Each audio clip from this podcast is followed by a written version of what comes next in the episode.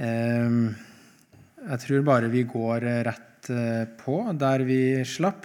Ehm, en kort bønn først. Kjære Jesus, jeg ber om at vi må få være tro imot ditt ord, at du må gi oss lys over ditt ord, og hjelpe oss når vi skal prøve å, å forstå og trenge inn i og også løfte fram ting som vi kan bruke til hjelp for hverandre og for andre. At vi ledes ved din ånd til å tenke og forstå riktig sånn at vi kan bli til hjelp for hverandre. Det ber jeg om i ditt navn. Amen. Jeg har tatt med her et uh, sitat fra Confessio Augustana uh, artikkel 12 om, uh, om, boten, eller omvendelsen, og der står det Og det her Vi snakka jo om i forrige time om det med skyldfølelse og synserkjennelse, og det er jo det vi nå er inn i. Og her står det med bot Eh, men boten er egentlig sammensatt av disse to delene. Den ene er angeren, eller den redsel, som jages inn i samvittigheten når synden blir kjent.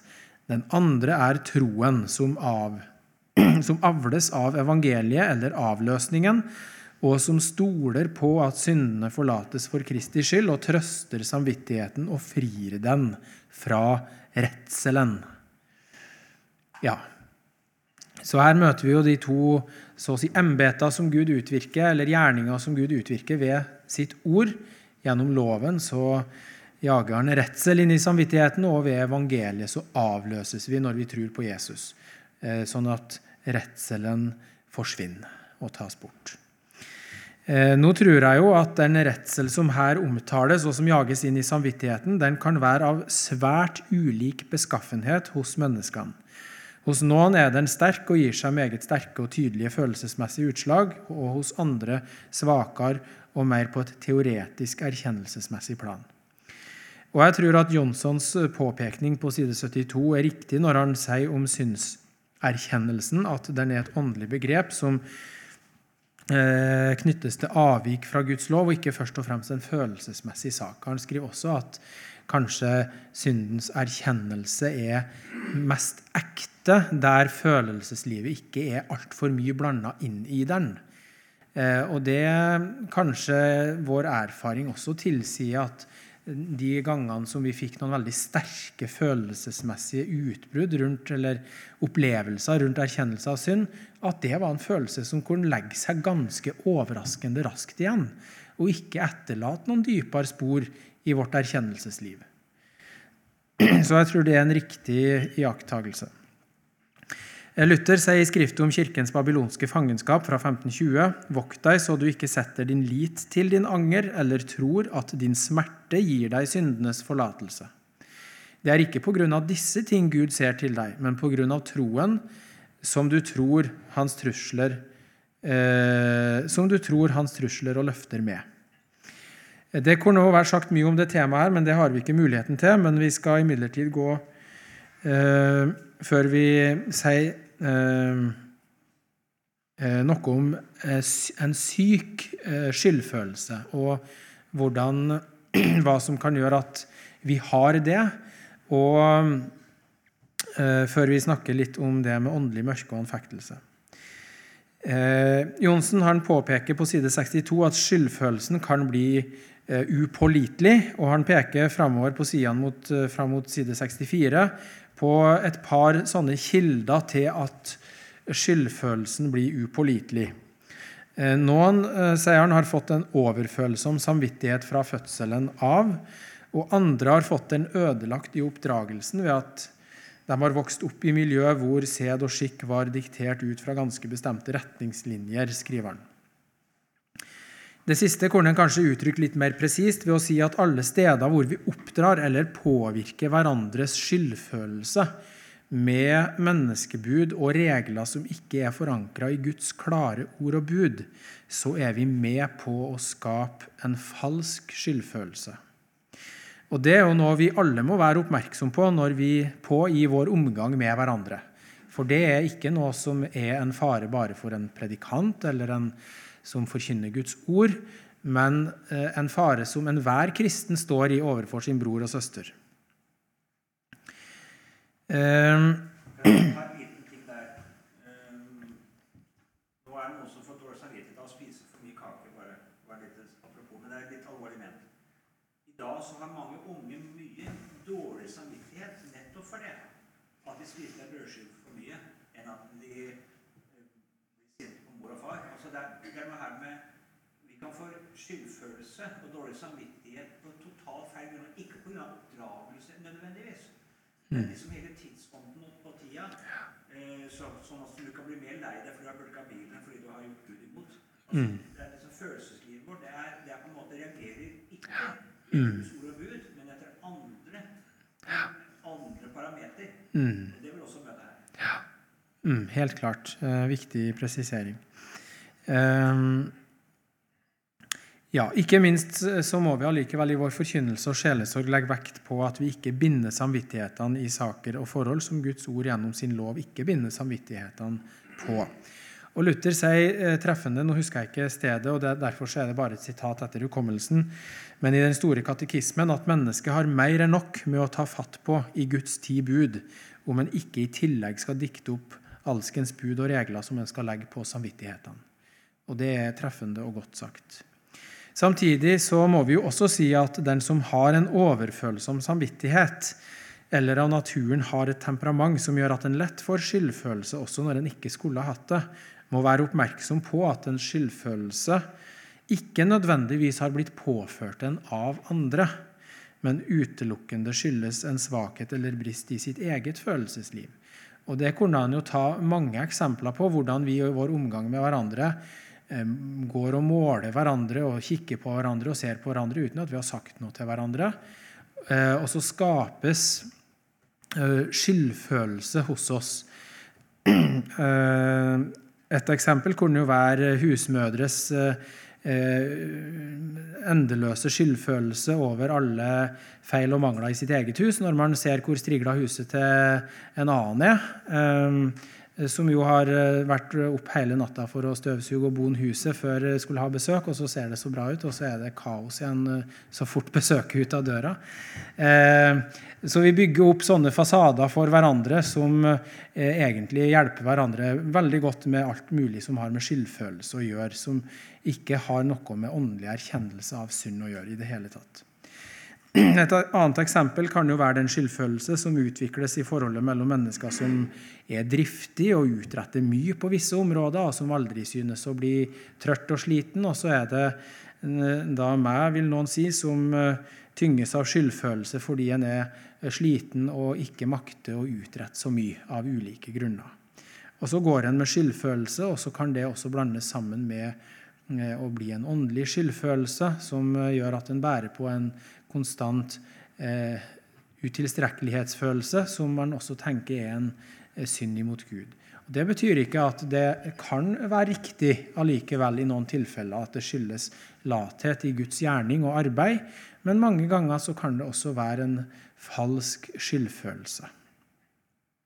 Og mange mange andre lignende eksempler kunne ha blitt nevnt på akkurat det forhold at vi kan eh, pga. tilbøyeligheter hos oss sjøl, så, eh, så kan vi eh, gå rundt med en, en skyldfølelse, eh, sjøl om ikke noen har kommet med et menneskebud direkte og, og, og tatt oss på.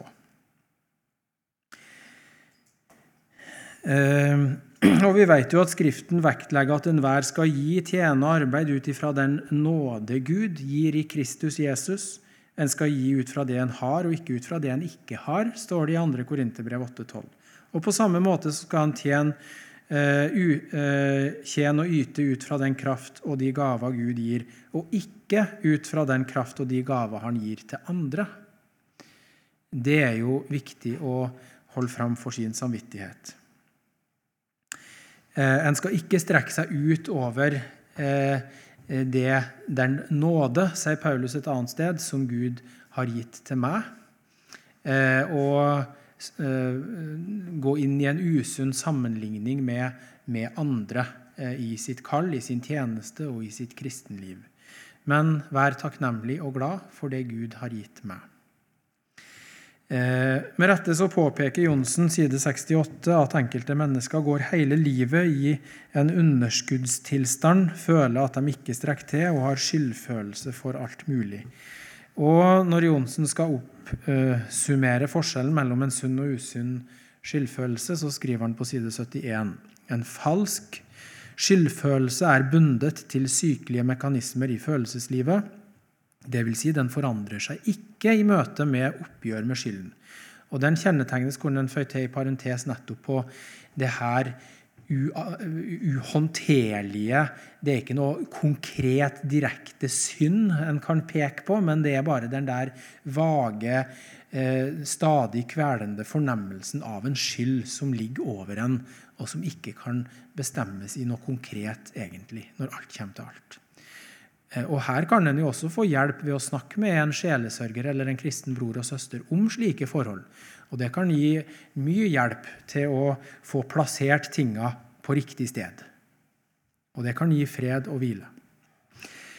Eh, Jonsson skriver videre at den ekte skyldfølelse er dynamisk sprunget ut av en sunnhetsreaksjon. I tilslutning til et oppgjør, til en bekjennelse, så skjer en frigjørelse, en lettelse. Smerten forsvinner, det syke leges, som han er ferdig med saken. Det var en konkret synd. Den er innrømt og bekjent. Og så sier Gud gjennom evangeliet og gjennom ordet om nåden at synden er utsletta, den er glemt. Jeg ser den ikke. Jeg regner ikke med denne synda for Jesus skyld. Og så skal en kristen få lov til å regne med det samme. Ja, Vi skal da gå over til å si litt om åndelig mørke. Og jeg vil presisere at Da kommer seg til å behandle egentlig bare det, den form for åndelig mørke vi møter i Bibelen, som en kristen kan oppleve og erfare.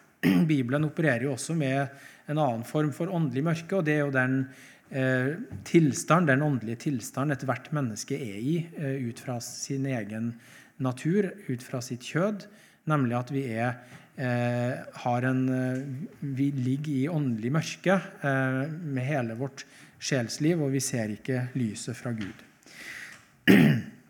Og det er noe annet enn det åndelige mørket som eh, en kristen kan oppleve. Eh,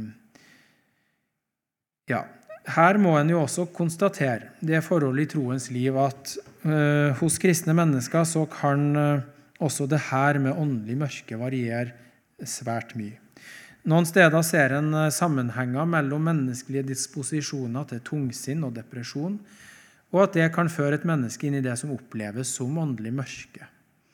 Her vil sjelesorgen kunne få hjelp av psykologien på visse områder for å klarlegge forhold i sjelslivet med metoder og verktøy som eh, psykologien, visse, eh, som psykologien og legevitenskapen besitter, men ikke sjelesorgen.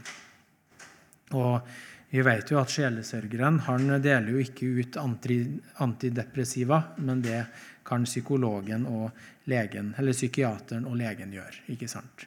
For å bare ta et eksempel. Eh, samtidig er ikke det med åndelig mørke et forhold som bare mennesker med sjelelige disposisjoner for tungsinn opplever. Det er det jo ikke.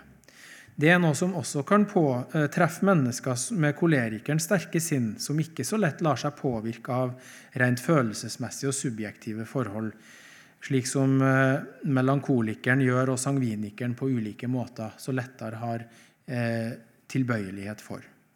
Jeg har hørt beretninger om kristne mennesker som har opplevd å ha et lyst og lett sinn gjennom store deler av sitt liv, men som f.eks. gjennom visse erfaringer i livet alvorlige hendelser som inntraff, eller på sine eldre dager kom inn i et åndelig mørke eller en sinns- og sjelstilstand de ikke trodde var mulig for seg.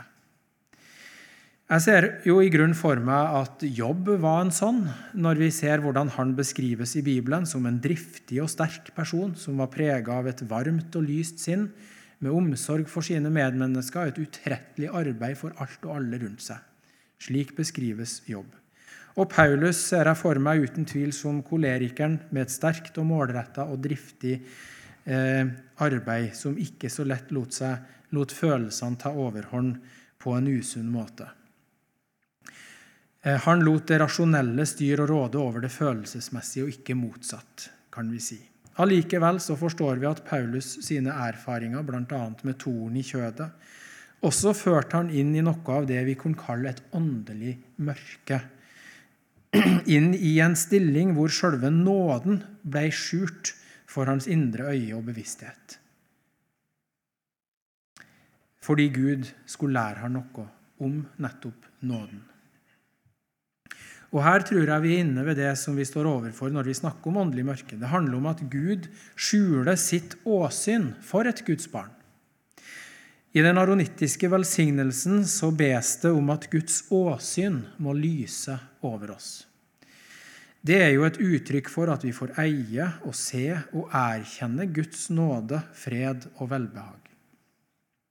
Når Gud skjuler sitt åsyn, så er det i Skriften et uttrykk for at han skjuler sin nådes lys for oss. Guds åsyn er også i Skriften et uttrykk for den andre personen i guddommen, Jesus, Kristus, vår frelser. Eh, og at han skjuler de synlige, følelsesmessige og erfarbare eh, opplevelser av sin nåde for oss. Og I Salme 27, 27,9 så settes det med at Guds åsyn skjules i sammenheng med at han viser sin vrede. Det settes videre i sammenheng med å bli eh, erfare en følelse av å bli sluppet av Gud og forlatt av Gud.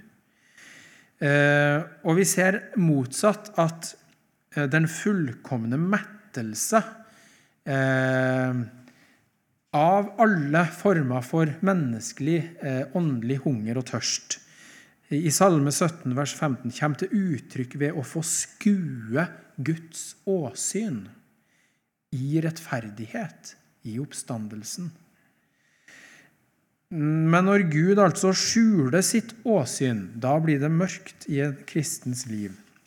Og først og fremst eh, i åndelig forstand. Men det vil jo også lett påvirke vårt sinn og vår sjelstilstand på et generelt plan. Og det, vi, eh, og det gjør vi fordi vi som mennesker jo er en åndspersonlig enhet. Når Jobb skal beskrive den tilstand som han var kommet i, så sier han i Jobb 19, vers 8.: Min vei har han stengt, så jeg ikke kommer frem. Over mine stier legger han mørke. Og Jeremia er en annen av Herrens tjenere som fikk oppleve det åndelige mørket på sin kropp og sitt sinn. Og vi skal ta med noe fra hans klage, eh, klage i Ja, nå står det ikke at det er ifra klagesangene, da, men det er det. Kapittel 3, vers 1, følgende. Jeg er en mann som har sett elendighet under hans vredes ris. Han har ledet meg, og han lot meg vandre i mørke og ikke i lys. Sannelig, han har vendt seg mot meg.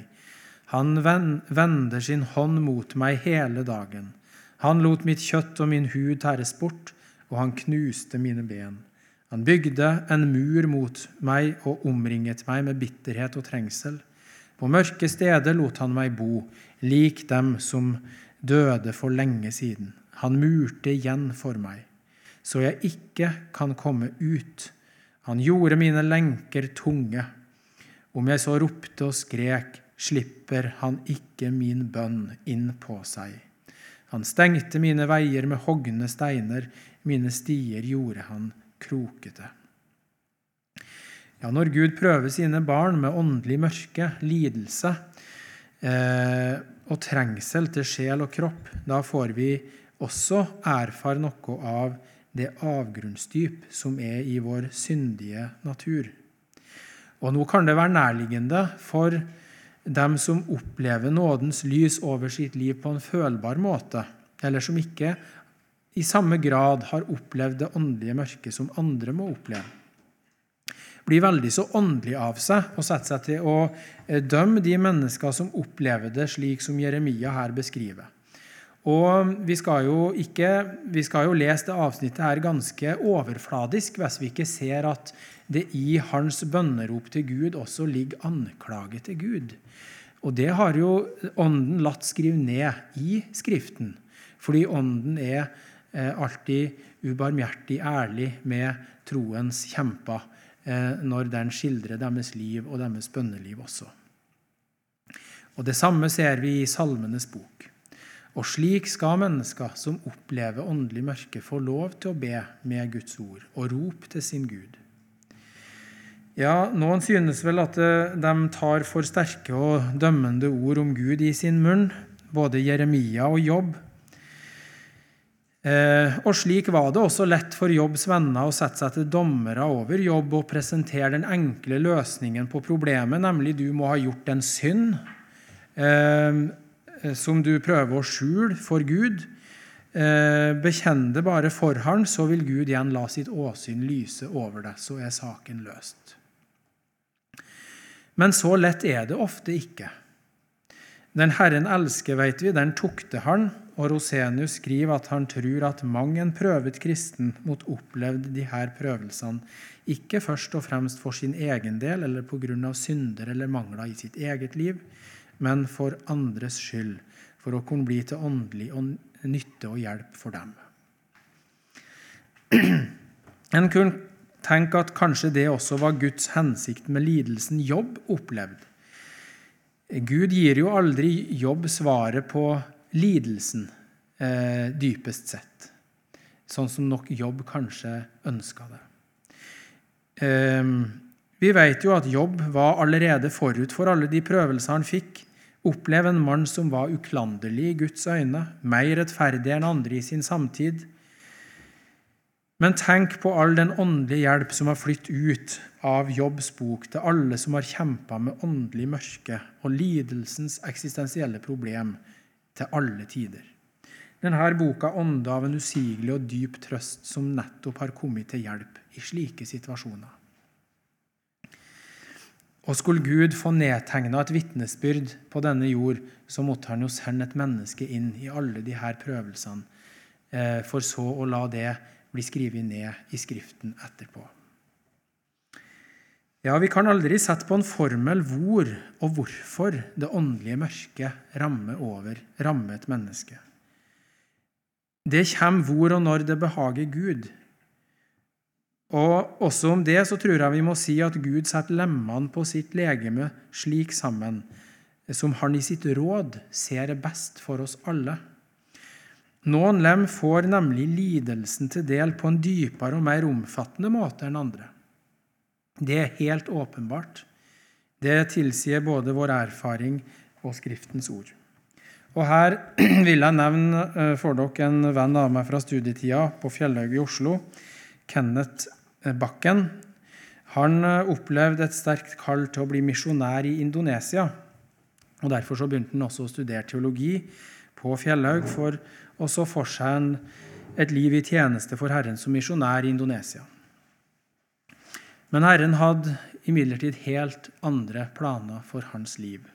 Og det har han sjøl fortalt meg om. Når han kom litt opp i 20-årene, så fikk han den samme sjeldne og arvelige diagnosen som sin far, nemlig Huntingtons sykdom. Og det er jo en sykdom som medfører enorme lidelser. Og Det førte han umiddelbart inn i en langvarig depresjon. Og han har etter det levd et liv i mer eller mindre konstant mørke og lidelse. Og Det er sterkt å snakke med han om de her tinga, og også lytte til hvordan han beskriver den prosessen han har vært igjennom med denne sykdommen, men også ånd, og erfare den åndelige modning og vekst som han har opplevd gjennom det. Og Han har skrevet bl.a. tre artikler på foross.no som eh, eh, han arbeida mye med, og som kosta han ganske mye å skrive, eh, om lidelse og ondskap, hvor hans egne erfaringer naturligvis sterkt og dypt preger det han skriver. Han har også en blogg hvor han har publisert en rekke artikler. Og jeg vil si Det er sterk lesning, men jeg anbefaler å se på det. Ikke minst så bør en kristen forkynner og sjelesørger eh, befatte seg med slike ting, men mange kristne vil ha hjelp av å lese det. Eh, Kenneth eh, Bakken. Kenneth O. Jeg ser alltid det står Kenneth O. Punktum Bakken. Han skriver i åtte punkt de lærdommer har har fått gjennom de her prøvelsene. Nummer én Gud er med i det svarteste mørket. Nummer to det er en Guds velsignelse med venner og familie. Tre det er bedre å snakke til Gud enn å snakke om Gud. Det er lov å være helt ærlig med Gud. Han elsker meg uansett. Det kan gjøre vondt verre å klage for innbitt for lenge. Det er bra for oss å takke og lovprise Gud under alle omstendigheter. Det er mulig å oppleve Guds grønne eng selv i den villeste storm. Og Under det siste punktet finner vi, altså punkt nummer sju, så finner vi noe som ikke er en anklage og ment som en anklage mot Gud, men det er eh, en omskrivning av Salme 23, som han gjorde i den første perioden etter at her, eh, denne sykdommen eh, brøyt ut og slo han fullstendig til bakken. Og han skriver på den måten.: Herren er min byrde, jeg mangler alle ting. Han lar meg brenne i ørkenen, han leder meg til stormende hav. Han ødelegger mitt liv, han fører meg på urettferdighetens stier for sitt navns skyld. Selv når jeg vandrer på en solfylt fjelltopp, frykter jeg for ondt. For du er med meg, din pisk og din stav, de piner meg. Du dekker bord for mine fiender, like foran meg. Du salver deres hoder med olje. Mitt giftbeger renner over. Bare sorg og frykt skal følge meg alle mine dager. For jeg skal bo i Herrens hus gjennom alle tider. Det er sterke ord, og en som ikke har noe erfaring med eh, sitt hjerte og åndelig mørke og anfektelse, vil nok kanskje tenke at det her eh, var eh, kraftige saker som ikke sømmer seg for en kristen.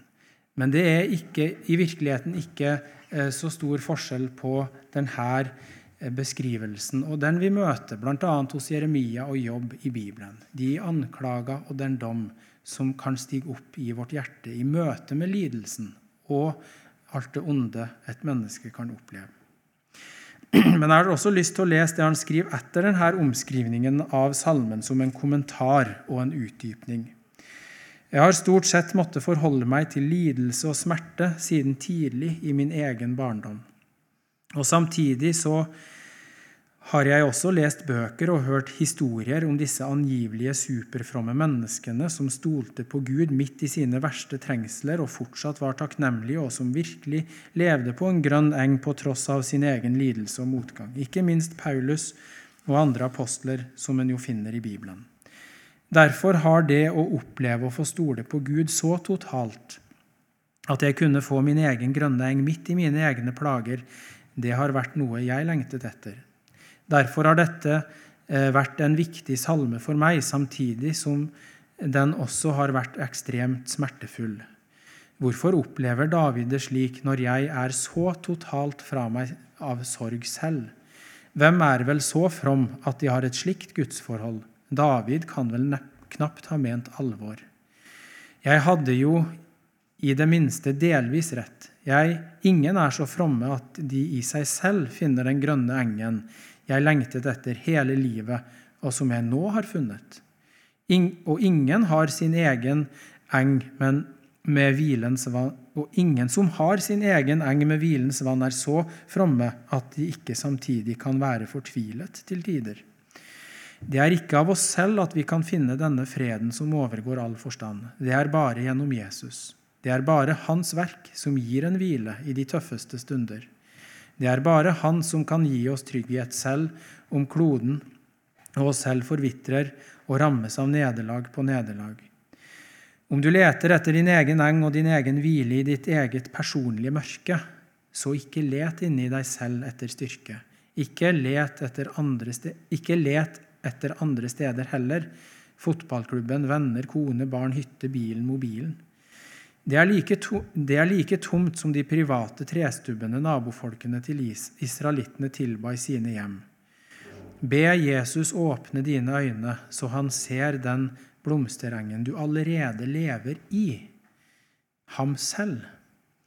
og ikke mist motet om han drøyer. Svaret vil komme. Ja, og Vi kunne jo da spørre hvorfor rammer det her Kenneth? Ja, se, det kan vi ikke gi noe endelig svar på. Og en sjelesorg som også tar sikte på å skulle gi hjelp ved å løse de her eksistensielle problemene i møte med lidelse og åndelig mørke og sette opp på en formel og finne enkle løsninger, den vil alltid feile. Nå er det jo sant at dersom det åndelige mørket vi har, skyldes at vi bevisst bortforklarer, lever i eller forsvarer synder i vårt liv, da må vi jo takke Gud for at han gjør det mørkt for oss. Da er det erkjennelse av synd som må til for at mørket skal tas bort. Men som regel, der kjente, synd, som regel, eh, der kjente synder i vårt liv er med på å gjøre det mørkt og tungt, så vil det lysne for oss når vi bekjenner og gjør opp. Men ofte når det er åndelig mørkt og lidelsen kommer sigende innover et Guds barn, så det, skyldes det nettopp ikke slike forhold som var ned seg bevisst. Jesus har også uttrykkelig bekrefta at lidelsen et menneske opplever, slett ikke trenger å skyldes synd i ens eget liv. Tvert imot så vektlegger Skriften en lang rekke steder at ulike former for lidelse tok det redskap i Guds hånd for å rense gudsbarnet, slik at det bærer enda mer frukt for Han og blir enda mer nyttig for Gud. Vi har allerede sitert fra Salmenes bok, og nettopp Salmenes bok har vært en usigelig kilde til trøst i all slags åndelig mørke, lidelse og nød som en kristen kan oppleve. Og I Salmenes bok så vil nærmest enhver sjelstilstand og tilstand på det følelsesmessige plan finne sin dype gjenklang. Og den skatt har Gud gitt oss fordi han veit at hans barn er så forskjellig og trenger så ulik trøst og hjelp, alt etter hvordan en har det. Eh, så er det jo slik, eh, hvis du studerer salmene nøye, så vil du se at det er slik at de salmer som beskriver det åndelige mørket, eh, nesten alltid også har glimt av lys og håp. Og Her kunne en ikke minst nevne Salme 22, som beskriver både en tilstand som David opplevde i gudsforlatthetens mørke, men som i dypeste forstand er en åpenbaring av den lidende Kristus på korset og hans sjelstilstand i sin gudsforlatthet. Ehm, her beskrives jo gudsforlatthetens mørke, men samtidig så bryter også lovsangen tilliten og hvilen ut. Men vi har også en salme som beskriver det absolutte mørket, hvor det ikke skinner noe lys, og det er Salme 88. Den innledes med bønn og klagerop til Gud om hjelp, men intet lys åpenbares forfatteren gjennom denne bønna. For salmen munner ut i et tilsynelatende håpløst mørke på den måten som, her, eh, som vi her skal høre, fra vers 15. Hvorfor, Herre, har du forkastet min sjel? Hvorfor skjuler du ditt ansikt for meg? Elendig er jeg og døende fra ungdommen av. Jeg bærer dine redsler, jeg må fortvile. Din vredes luer går over meg, dine redsler har tilintetgjort meg. Hele dagen omgir de meg som vann, de omringer meg alle sammen. Venn og neste har du tatt fra meg, det er bare mørket som kjenner meg. Nå er jo den salmen her skrevet for alle Guds barn. Vi trenger å lese denne salmen og lære av den. Samtidig så tror jeg Salme 88 er et spesielt Guds håndtrykk til alle som opplever å sovne inn i døden med mørke og et tungt sinn, men allikevel som et frelst Guds barn. Det er nemlig noen kjempende sjeler Gud lar gå døden i møte i mørke og uten lys. Vi liker gjerne å høre de historiene som går som med jobb, nemlig at alt ordna seg til slutt her i tida. Men slik går det ikke alltid. Og den kristne sjelesorg må heller ikke gi inntrykk av at slik vil det bli, at våre håp og lengsler vil bli møtt her i tida. Av Hebreerne 11 så lærer vi at troens folk består av en skare som opplever både de lyse høyder, men også de aller dypeste mørke, og som går ut av denne verden i den dypeste nød, for fornedrelses, lidelse og smerte. Og det var heller ikke alle martyrer som opplevde at smerten ble tatt bort i bålet og i flammene, eller som fikk oppleve at Jesus kom dem lyst i møte, og at alt mørke i sjelen la seg før de sovna inn. Det var det ikke alle som fikk oppleve. Og det har heller ikke et Guds barn, så vidt jeg kunne ha sett noe løfte om i Bibelen. Derimot har vi et herlig løfte om at når den som har satt sin lit til Herren, sovner inn, så bæres han på englevinger til Abrahams skjød og for evig skal trøstes av Herren. Og der skal en troendes håp forankres. I Herren og i det vi har i vente i himmelen. Få mennesker kan hjelpe oss til å hvile i de objektive realitetene i evangeliet, som dem som stort på Gud, sjøl om, om han tok all følbar fred og lys og glede bort fra dem og lot dem være der lenge. De fikk vitne om en glede eh, og fred som overgikk all deres forstand og følelse, nemlig den Guds fred som vi eier ved troen på Jesus. Den består ikke først og fremst i en følbar fred, glede og lys, men i en tilstand med Gud som består i at vi har fred med Gud, som Jesus har ordna for oss. Og den tilstand står vi i, uavhengig av hvordan vi måtte føle det. Og det var det som også Kenneth Bakken sitt innlegg munna ut i. Et sterkt vitnesbyrd om å la hvilen og de grønne enger være forankra i Herren og frelsen i Han. Og slik er det. Det er der vår grønne eng er den vil vi ikke finne i vårt mørke. Ehm, så eh, da til slutt noe om anfektelse. Og eh, jeg tror ikke det er mulig å sette opp noe, vil jeg heller ikke forsøke å sette opp noe veldig tydelig skille mellom åndelig mørke og anfektelse. Men eh, heller peke på Det jo det siste ordet her er jo et begrep vi for øvrig ikke finner i Bibelen, Eh, men som eh, eh, kommer av det tyske ordet 'anfechtung' og betyr bokstavelig å bli fekta imot eller kjempa mot.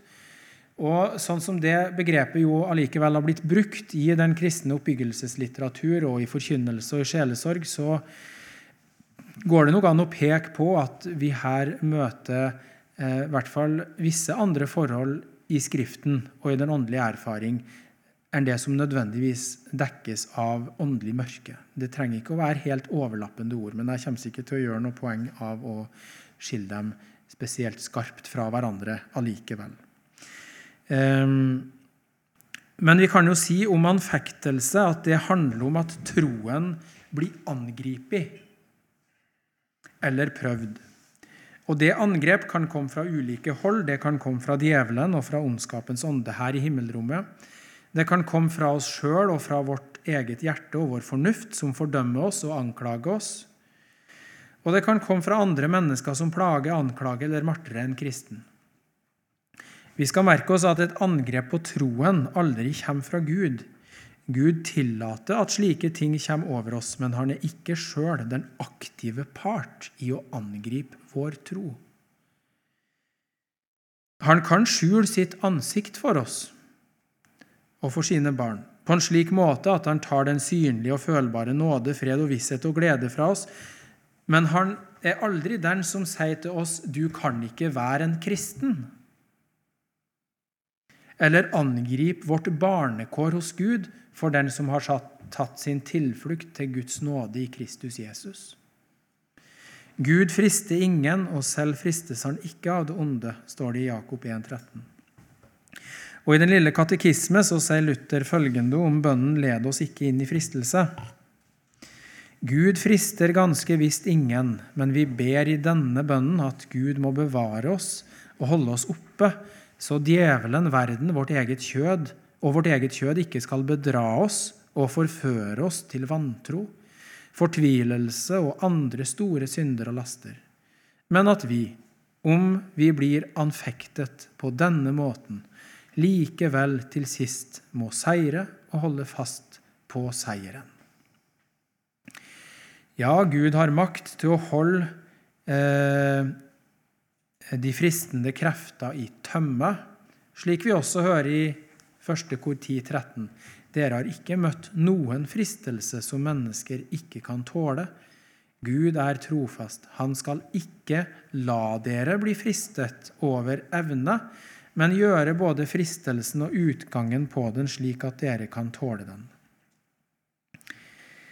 Ja, Eh, troen den har mange ytre fiender, og dem må vi kjempe imot, slik Luther eh, her anført i forklaringa til den sjette bønn i Fader vår.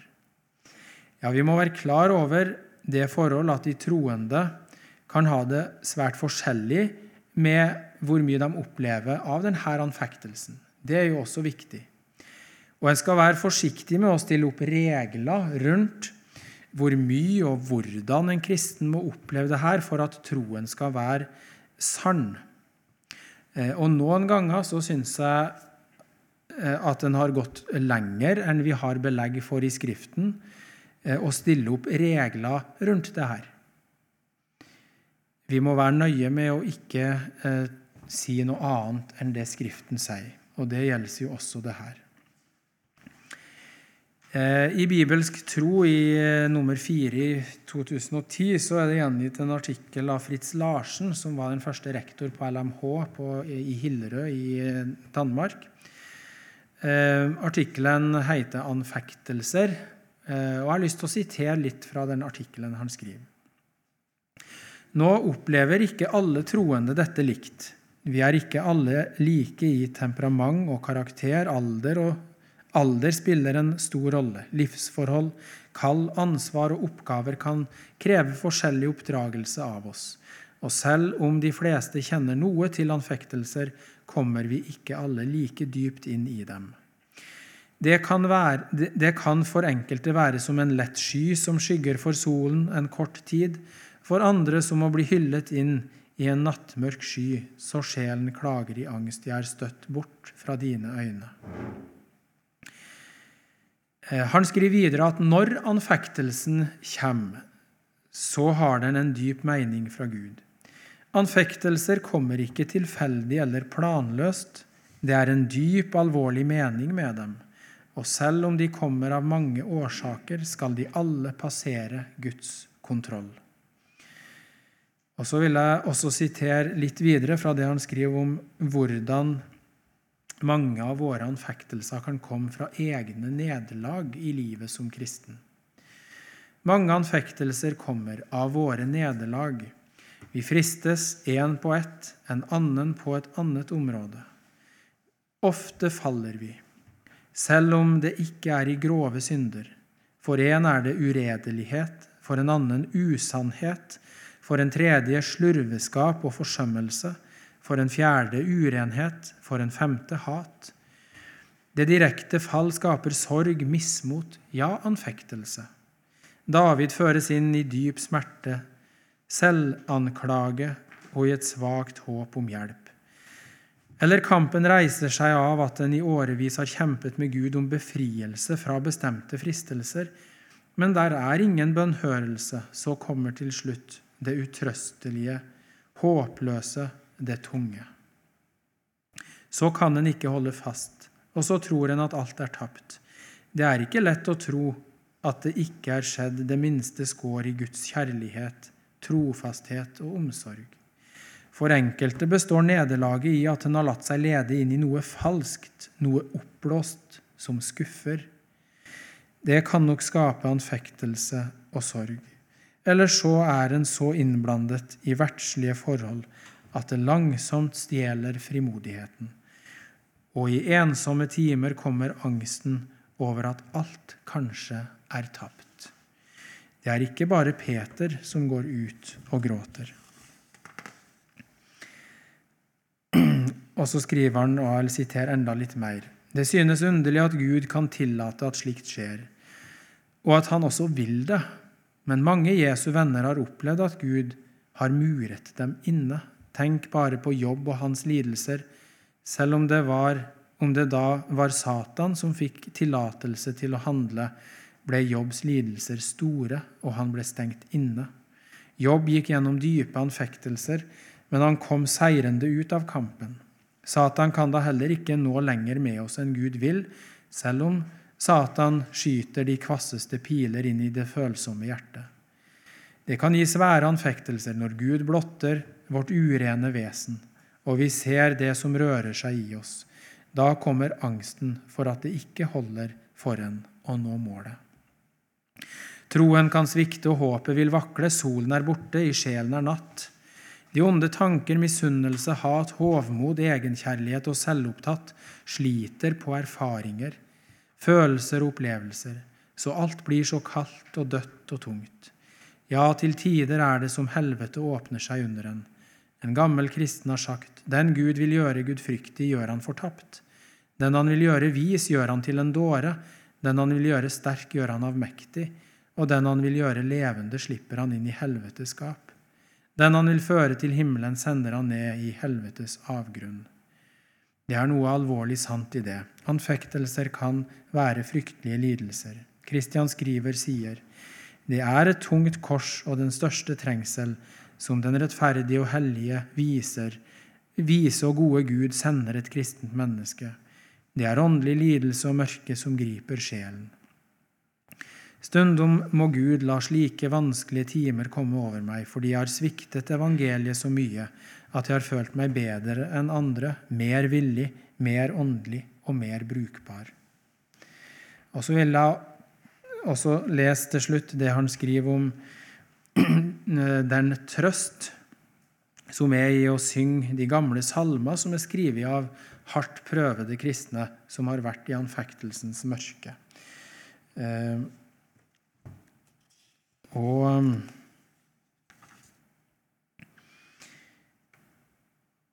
Og her skriver han For den som er anfektet, eh, vil det være godt å samle næring av de gamle sangene som er blitt til fra Herrens venner, som selv har vært anfektet. Slik har Gud velsignet oss med sanger fra Hans Adolf Brorson, fra Lina Sandell og Carl Olof Rosenius, som nok kan hjelpe den engstede sjel. Hva Anfeldts sanger har betydd for Gud når han vil løse sine venner fra nød, skal først evigheten oppklare. Så vil jeg for egen regning også jo skyte inn Paul Gerhardt og hans salmer, naturligvis, og ikke minst velt alle dine veier, den mektige salmen. Jeg vil også nevne salmen 'Jesus, din søte forening og smake'. Ja, det er salmer med uendelig mye sjelesorg. Men anfektelser får alltid et godt resultat. Det gir hjelp. Da Jobb var kommet gjennom den lange prøvetid, kunne han se Herren med nye øyne. Bare det ryktet meldte, hadde jeg hørt om deg, men nå har mitt øye sett deg. Det er hemmeligheten. En lærer sin Gud å kjenne personlig. En får se litt av innsiden av ham. Ja, det går, går en som det gikk Paulus, at en i stedet for å være stolt av sin utdannelse og erfaring roser seg av sin makteløshet, fordi en nettopp ved den er sterk. Da ser en Herrens kraft fullkommen i vår avmakt. Det kan for den saks skyld godt sies at Gud rykker de venner som har stått gjennom anfektelser, en klasse opp. Jobb ble forbeder. Ham vil jeg høre, sa Gud. Paulus ble sjelevinner. Og du og jeg, hva skal Gud nå med oss? Kan vi tåle å gå gjennom porten? Kan vi dannes til å bli forbedere og sjelevinnere? Sitter du i vanskelighet i Guds skole, så husk at det er en god utgang fra den ærefulle undervisning. Engstede hjerte opp av din smerte, glemmer du aldeles bort hva du har. Frelserens vennskap, nåde og kjennskap. Ennå han lever og er som han var. Ja, vi skal ikke stille opp noen regel for hvordan Gud steller med sine barn når det gjelder anfektelse av åndelig mørke. Men Rosenius har uten tvil rett, og det er et bibelsk anliggende når han sier den tro som ikke blir anfektet, er falsk. Ja, for den sanne tro, den har fiender, og det vil en kristen oppleve i en eller annen grad. Og Jesus sier den som vil leve gudfryktig i den tid som nå er, vil bli forfulgt. Ja, eh, Luther skriver også i sin bok, eh, som han utga i 1539 om kirken og konsilene, så stiller han opp sju kjennetegn på den sanne kristne kirke her, her på jord. Og da nevner han korset som det ene kjennetegn. Det er kors som henger ved å følge den kristne menighet her på jord. Ehm, Luther han anvender også korset og anfektelsen som en ytre prøve på om det var en sann ånd som fulgte med de predikanter som Philip Melanchthon en gang lot seg begeistre av mens Luther var på Wartburg i 1521. Eh, og han skriver tilbake til Melanchthon, åpenbart ikke spesielt eh, imponert over de høye ånder som eh, Eh, Melanchthon lot seg bevege til å bli litt imponert over. Og han skriver.: Prøv å få klarhet i hvordan denne ånd ytrer seg hos dem personlig. Spør dem om de har gjort noen personlig erfaring av åndelige anfektelser og guddommelige fødselsveer. Om de noen gang har kjent på angsten for død og helvete.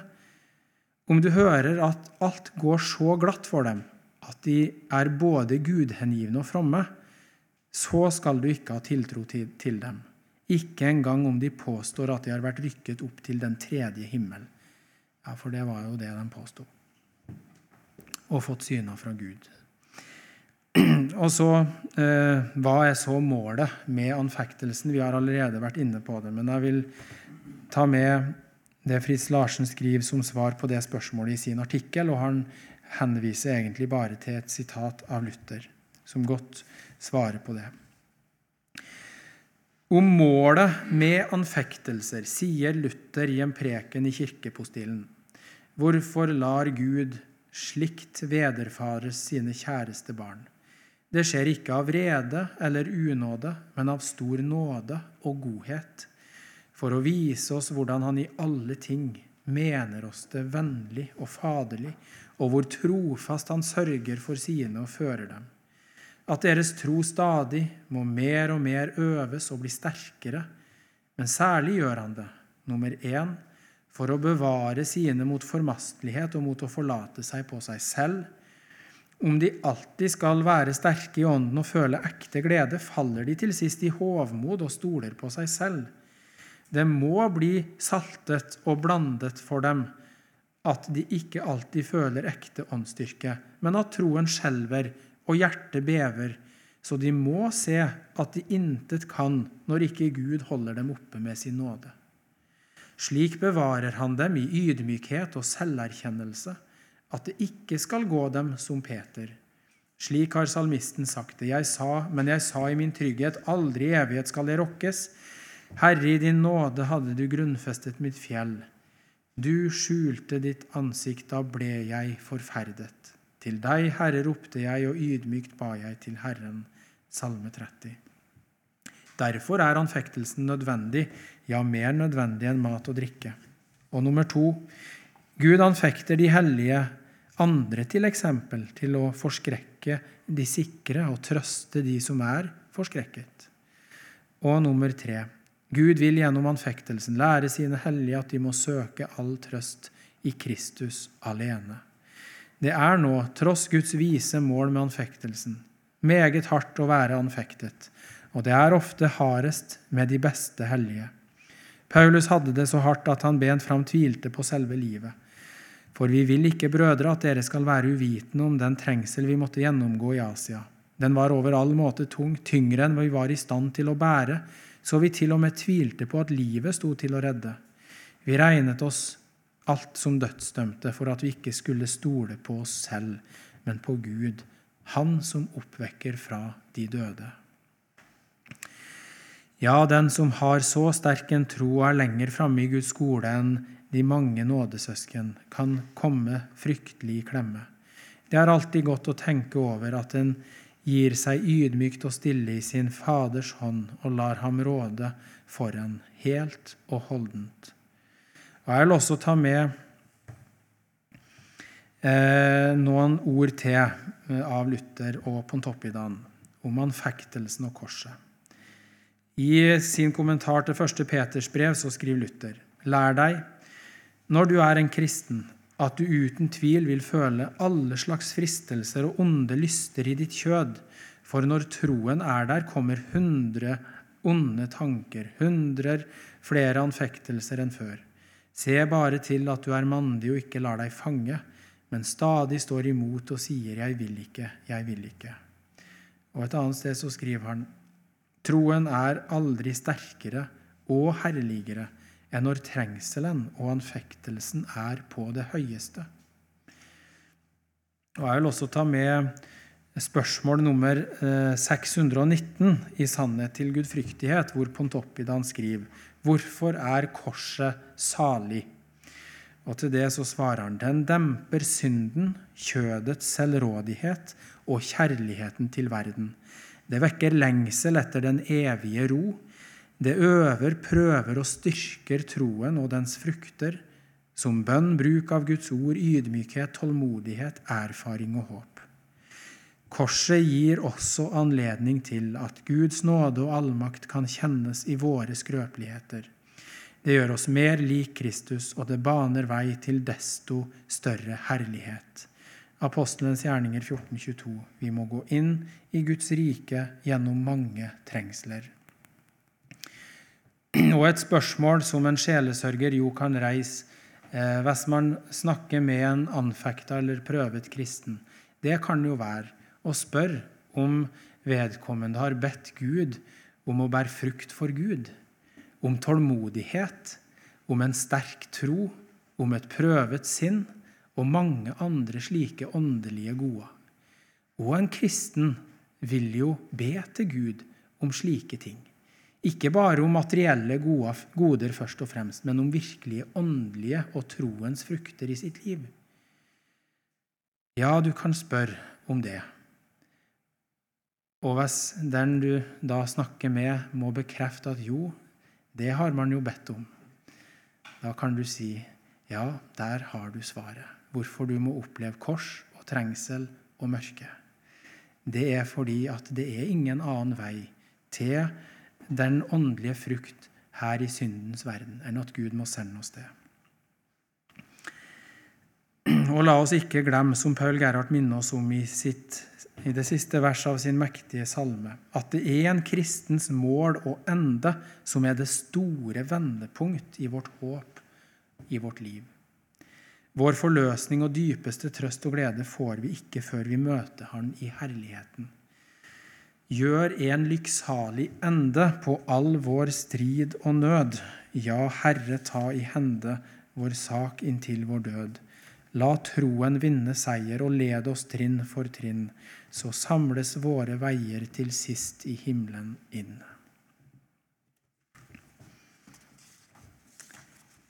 Ja.